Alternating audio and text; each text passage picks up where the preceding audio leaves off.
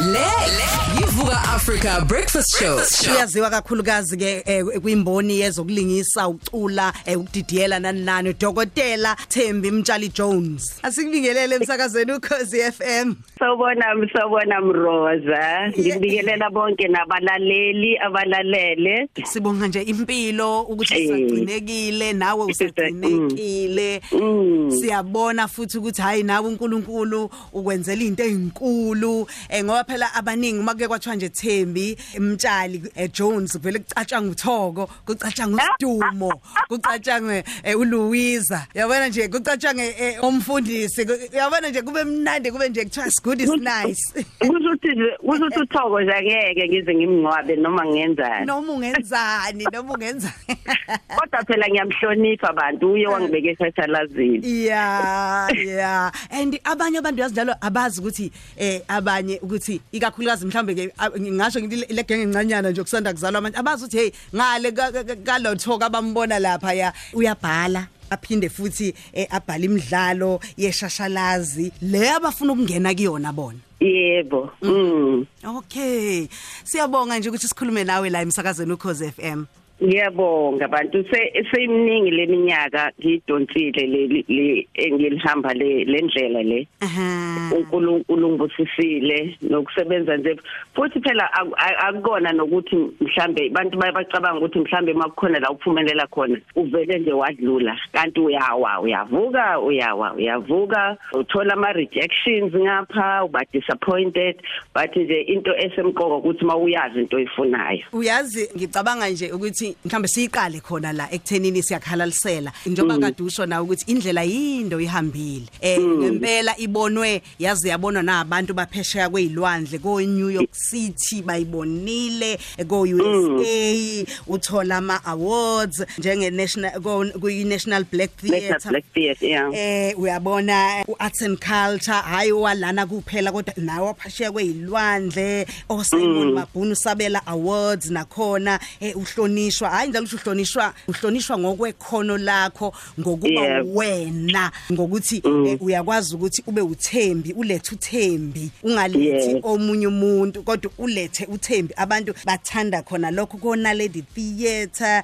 ama awards akho maningi ngendlela eyisimangaliso. Nana ikhundla okwaze ukuyiphatha ngoba bekholelwa kuwena la ububa khona i i- board of directors nawe ube nab- nabanye abangama board of directors eindaweni ehlukahlukene ko Gauteng Film Commission eh, ube lapha kwi board labaqondisi nawe ko council member and deputy chair. Uyabona nje kuningi othe wakwenza. Ngicabanga ukuthi ukuze kuzofika la ekuthenini namhlanje ubizwa ngodokotela izo zonke izinto abayibhekile lezo. Izona zonke lezo zinto aba- abayibhekile eh futhi ngiyabonga kakhulu ngoba phela akuvele nje kukhetha kuyahlala ku- ku- kuphikiswane kuthiwe namhlanje ku- kulonyaka singabeka bani leli kuleli chaza leli baze ba decide ke usho ukuthi ke ngempela ngempela ufike ufanele ukuthi uyibonge lento ngoba nje awu- awuyiphiwanga nje kodwa babonile ukuthi umsebenzi yakho ingakanani. Uyazi mangabe usu- usubala kanjeni ungathi ubala omunye umuntu ngoba uma usebenza uyazi uya- uya- unganaki ukuthi kanti sengenza izinto ezingaka kanti sikhuluma ngawe impela nje. Mana ke system uyazi eh, eh, uyazi phela kusafanele nokuthi system funa sidokotela. Eh now ah uyangithusa ke lela cabanga ngoba phela noma usayina manje awusasayini njengathi hayi liyangithusa le Kufanele- ingane ingane lapha engisebenza nazo lapha emsebenzini embewini mazisho njalo ngithi hey hey hey hey hey, ungasho lonto umsombuluko wangomhla ka16 kuMay eh uthe uma ufika empilweni yakho noma esigabeni sakho sempilo wazizwa kanjani nje? Usixoxele nje. Lapha esikhungweni semfundo ephakeme eDUT bethi cha usudokotela manje. Eh ukuthi yonke lento yenziwe eh virtually ngoba besingayanga khona in person ngendaba ze bikusasendaba ye COVID but kwafuneka ukuthi ke bakhiphe ke eh, izitifiketi bangilethele igown ngirecord ispeech sami sokubonga. Kodwa ke bathe mhla ka12 July sebezokwenza ke manje a proper ceremony eICC lapho ke besebenza kodwa yona yonke yonke into sebenginikile certificate sami nasi nje siphambi kwami doctor doctor of philosophy in visual and performing arts eh Eh. Yes. Yeah. Uh, was conferred upon Thembi Mtali Jones at a congregation of the university on 16 May 2022. Woo! Umandla sithi ke amandla kumuntu wesifazane. Eh, eh. ususilengisile noma akasilengisi noma usasicabangela ukuthi ngisibeke ngakubo ngisasicabangela phela ukuthi ngizosiframe ngani. Akufuneki akufuneki ugodwana nje oluyiplastic la. Akufanele akufanele into eh, ngoba manje la kusho ukuthi kusetshenzwe la. Kusetshenzwe ngempela.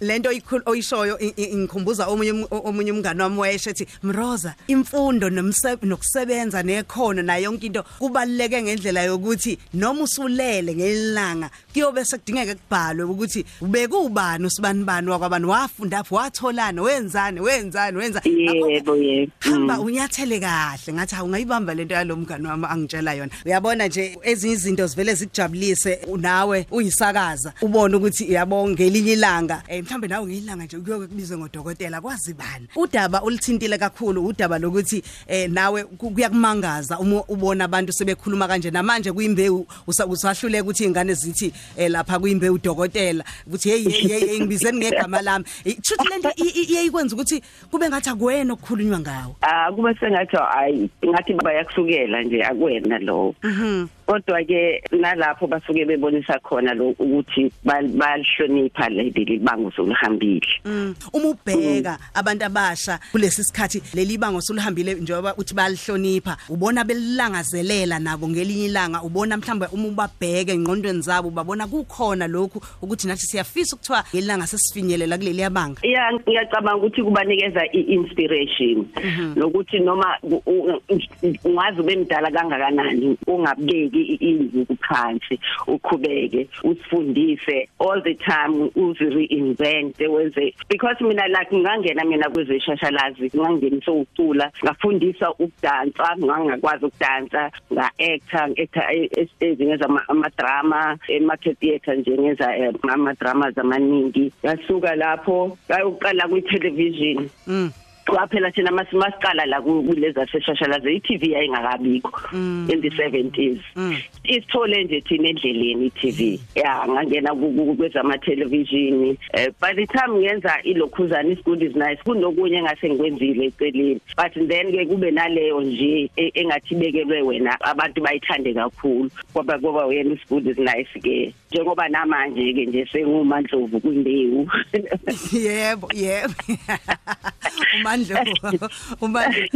Uyazi ngiyayithanda lo ivezayo ethi iTV isificile umabona kuthi usificile. Usifica mm. sihamba thina. Ethi eh, ufice endleleni. Ah ngoba mina ngikulandela kakhulu eh, ngiyazi ukuthi uyiactivist mina ngiyazi ukuthi umuntu olwile elwela amalungelo omuntu omnyama ikakhulukazi kule industry. Mm. ukuthi abangena abantu abasha aliveli ikhono noma ngabe uqhamuka emakhaya njengomroza eh noma ngabe njengoba ngabe uqhamuka ku wemroza nami ngakhu ngikhulela ehlanzeni le mahlabathini. Hayi ungasamahlabathini kuphi namahlabathini le ngasenkonjeni hayibo esabhoza. Leli jazi kalihambe leli jazi le mahlabathini kuyobungazwa khona? yokhotho okhokho. Uyabona ke eh, umphakathi wasemahlabathini umkhandlu wakhona amakhosi onke angapha emahlabathini akube nomcimbi wakho ozokwenziwa khona ngale lapha esikwela uthukela uyayibona indaba? Ngempela elakhona leli phezulu esiphezulu hayibo uyazi abantu asebehamba umhlaba njengawe phela bahamba phesheya kuphi kuphi. Negama elisangoyani ngathi ngathi alishokeki kahle kodwa usalishaya nje ngendlela nje. Awu ngobe ngobe lakithi. Ngobe lakini hayi ke ijazi ke noma kanjani? Ngicabanga ukuthi kumanje ngoba bakulalele bazohlela babona bakuthinta kanjani kodwa kufuneke kuyobungazwa kube nomcimbi omkhulu ngoba lokho kuzogqugquzela ikakhulukazi abantu abasha baseyindaweni zasemakhaya nabesifazane. Nabesifazane.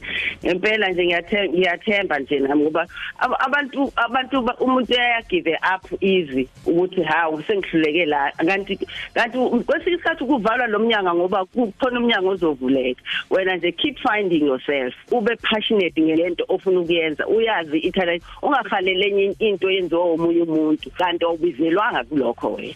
Wena funa okwakho. Angithi ke kuthiwe njalo ingane mayizalwa ifuke ifumbethe ifumbethe igift yakho. Wena mawungathola nje leyo gift le akekho umuntu ongenayo igift yakhe. Ukuthi nje sibulawa ukuthi sifuna ukubonela ukuthi hayi ubani wenzani? Ufuna ukwenza lokho. Kanti khona okwakho nje onikwe khona. Thola lokho. Yophumelela sihleli nodokotela uThembi Mtshali Jones la nanka amanye amazwi akho oye waqashunwa kuona ukhuluma ngesikhathi uthweswa iziqo Not even in my wildest of dreams could I have thought that in my lifetime I would have the privilege of addressing such a prestigious audience. My journey has been a long walk.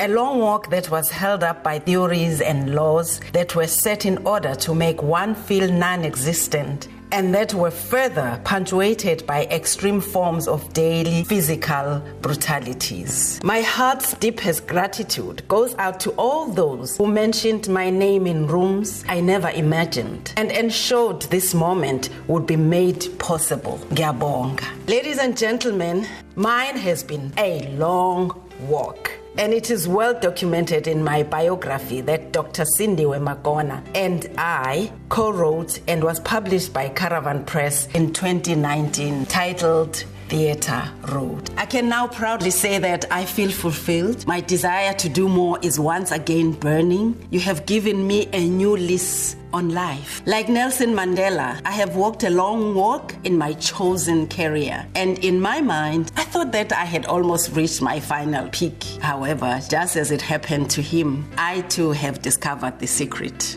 After climbing a great hill, one only finds that there are many more hills to climb. The best thing this time is that I will be climbing those hills with my own people. I feel deeply honored that I will be joining the personalities and legends I highly respect who had received this award previously. The likes of Jonathan Clegg, Sipho Mchunu, Welcome Nzimande, Ella Gandhi, Joseph Shabalala, and Steve Biko are some of the names that have received this privilege. It was in 1990 when I met Nelson Mandela for the first time after he was released from prison at his home in Soweto. I could not believe it when he called me by my name and thanked me for providing him with entertainment while he was incarcerated in Victor Verster prison. He mentioned how he loved Utogo, my character in Good is Nice, the beloved show that helped mold my TV career into what it has become until this very day. You have injected a new life in me, a new sense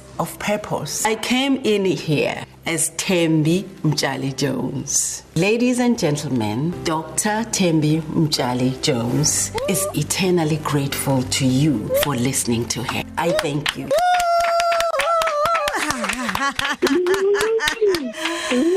yeah.